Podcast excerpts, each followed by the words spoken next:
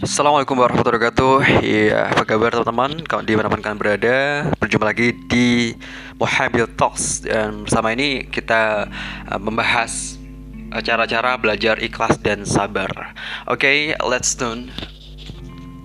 Dalam mencapai tujuan hidup Kita akan sering kali uh, mendapat banyak cobaan, ujian yang kita hadapi. Dan cobaan itu Datang langsung dari Allah melalui manusia-manusia lainnya dan itu harus dihadapi dengan kesabaran. Uh, bagaimana caranya agar lebih tak sabar-sabar ya? Karena sabar itu tingkatannya macam-macam dan harus dilalui tingkatan-tingkatan itu. Untuk itu yang harus dilakukan adalah pertama niatkan karena Allah Subhanahu wa taala. Karena segala sesuatu yang kita perbuat itu hendaknya diniatkan lillahi ta'ala. Dan begitu kesabaran pun akan muncul sebagaimana Rasulullah bersabda bahwa amal itu tergantung niatnya. Dan seseorang hanya mendapatkan sesuai niatnya. Barang siapa yang hijrahnya kepada Allah dan Rasulnya maka hijrahnya kepada Allah dan Rasulnya. Dan barang siapa yang hijrahnya karena dunia atau karena wanita yang hendak ia nikahi maka hijrahnya itu sesuai ke mana ia hijrah. Itu berdasarkan hadis Bukhari dan Muslim. Yang kedua, banyak membaca Al-Quran. Nah, inilah salah satu fungsi Al-Quran dalam kehidupan kita. Dengan membaca Al-Quran, hati itu adem. Nah, selain itu, uh, kita menjadi lebih mampu menghadapi masalah dalam kehidupan yang pasti saja akan muncul karena bagi manusia yang hidup kita pasti akan menemui masalah. Kalau nggak punya masalah, nggak mau ada masalah ya jangan hidup, itu ya. Jadi semakin banyak kita membaca, semakin tenang hati kita. Yang dalam surah Al-Isra disebutkan bahwa dan kami turunkan dari Al-Qur'an surah ya suatu yang menjadi penawar dan rahmat bagi orang-orang yang beriman. Dan Al-Quran itu tidaklah menambah kepada orang-orang yang zalim selain kerugian. Itu Al-Isra ayat 82 ketiga uh, ingat tujuan hidup di dunia. Di dunia ini guys itu hanya sementara waktu yang sangat singkat di dunia ini ya sepatutnya jadikan acuan untuk terus memperbanyak ibadah kuat menghadapi setiap cobaan. Dan salah satu senjata yang kita gunakan dalam menghadapinya adalah kesabaran. Allah juga telah memberitahukan bahwa tujuan kita hanyalah untuk menyembah.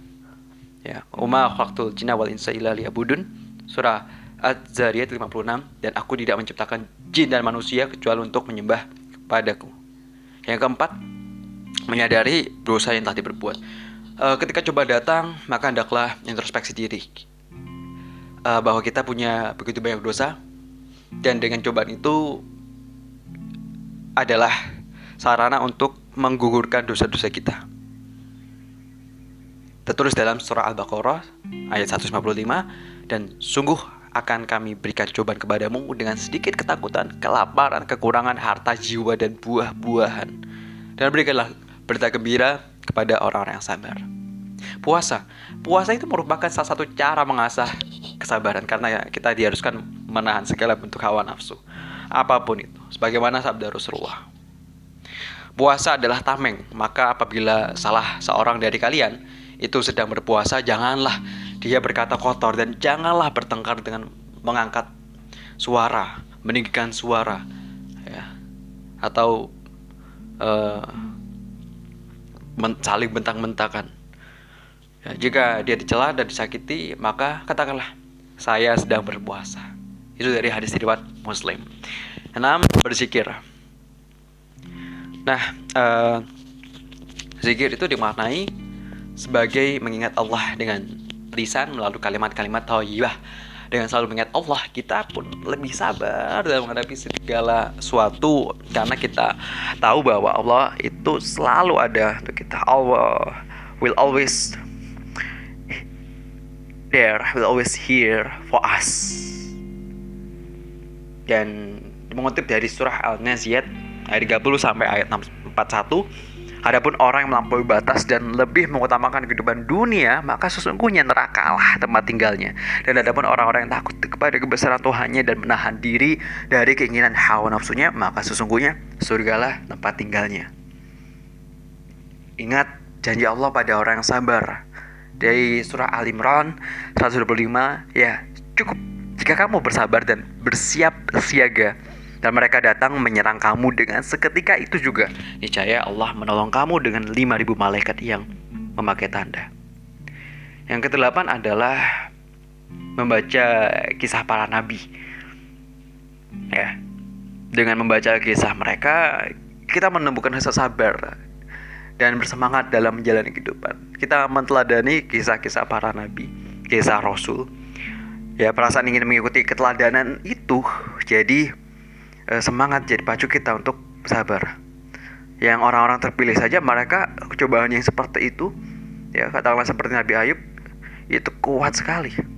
Atau ketika Rasulullah yang digebuki, yang dilempari batu, yang dihina-hina, mereka apa kuat apalagi seperti kita kita ini yang seperti rempeyek ini ya dan itu di surah Al-Anbiya 83 sampai 84 dan ingatlah kisah Ayub ketika ia menyeru Tuhannya Ya Rob, sesungguhnya aku telah ditimpa penyakit. Engkau adalah Tuhan yang maha penyayang di antara semua penyayang. Maka kami pun memperkenankan seruan itu. Lalu kami lenyapkan penyakit yang ada padanya. Dan kami kembalikan keluarganya kepadanya. Dan kami lipat gandakan sabta mereka sebagai suatu rahmat dari sisi kami dan untuk menjadi peringatan bagi semua yang menyembah Allah Subhanahu wa taala. Kemudian atur emosi dan berwudu. Ketika marah dalam posisi berdiri, duduklah, duduk, duduk. Jika dalam keadaan duduk masih emosi, ya udah berbaring lah. Nah, tapi masih berbaring itu amarahnya gak kunjung hilang. Wudhu lah atau mandi. Ambil nafas panjang, cara perlahan take deep breath lalu hembuskan kembali melalui mulut secara pelan-pelan juga. Berulang-ulang, lakukan dengan berzikir hingga emosi yang ada dalam diri menghilang. Dan ketika marah emosi, usahakan jangan berkata-kata. Karena segala perkataan ketika emosi itu pasti isinya panas di telinga, menusuk di hati dan bikin orang jadi sakit hati. Kemudian tentu berbagai, perbaiki pergaulan, perbaiki karakter. Makanya pentingnya uh, selalu belajar uh, building building skill atau apa self building kita itu nggak boleh beda-bedakan manusia. Ya memang ya berbeda sih tapi uh, kita kita itu apa ya bergaul itu kita melihat memandang orang itu bukan berdasarkan itu tapi sadar bahwa manusia ditentukan dari amal ibadahnya. Ya. Gitu. Dan cobalah gaul gitu pilih pilih-pilih juga aja sih penting. Kita bergaul uh, kepada orang soleh orang yang punya semangat orang yang punya misi visi orang yang punya vision cita-cita ya orang yang punya kesabaran kuat orang yang tangguh orang yang uh, pernah mengalami ke kejatuhan berkali dan akhirnya terbukti sukses bangkit dari kegagalannya jadi orang yang hebat yang uh, punya pengaruh yang besar di masyarakat Nah, bertemanlah dengan orang seperti itu. Jadi yang remehkan dengan harus pertemanan. Karena istilah ketika kita berteman dengan tukang minyak wangi Maka kita menjadi wangi Kecipratan bau harumnya. Nah begitu pun juga dengan sebaliknya. Ketika kita bergaul dengan apa tukang sampah Atau yang tempat yang kumuh dan bau Ya akhirnya bau juga. Ya bergaul dengan rokok juga akhirnya bau rokok juga baju itu. Nah, Rasulullah SAW juga menganjurkan hal ini dalam sabdanya bahwa sesungguhnya bahwa seseorang yang duduk berteman dengan orang yang soleh dan orang jelek adalah bagikan berteman dengan pemilik minyak mix dan pandai besi. Jika engkau tidak dihadiahkan minyak mix olehnya, engkau bisa membeli darinya atau minimal dapat baunya lah. Pasti dapat. Dan ada pun berteman dengan pandai besi. Jika engkau enggak mendapati badan dan pakaian itu hangus terbakar, minimal ya baunya gak enak gosong. Yaitu dari hadis uh, riwayat Bukhari nomor 2101 dari Abu Musa. Tetap berpikir uh, optimis ya. Bolehlah kita berpikir negatif kita mengelola tapi kita harus pandai-pandai mengelola emosi negatif itu. Nah selalu berpikir uh, apa ya optimis. Memberikan ketenangan dalam menghadapi hidup ya bukan uh, berpikir positif saja. Karena ketika kita dihadapi masalah juga juga berpikir positif positif positif. Akhirnya akhirnya jadi uh, positif negatif apa toxic positivity. Itu juga berbahaya. Makanya optimis di balik masalah pasti ada solusi. Pasti ada penyelesaian pasti ada akhirnya. Pasti ada uh, solusinya. Gitu. Coba selalu tenang dan analisa kemudian cari solusi alternatif. Yang terakhir adalah kita wajib bertawakal ya. Teruslah berusaha dan berdoa minta petunjuk dan kesabaran dalam menghadapi cobaan. Serahkan semuanya kembali kepada Allah Subhanahu wa taala. Apa pun hasilnya.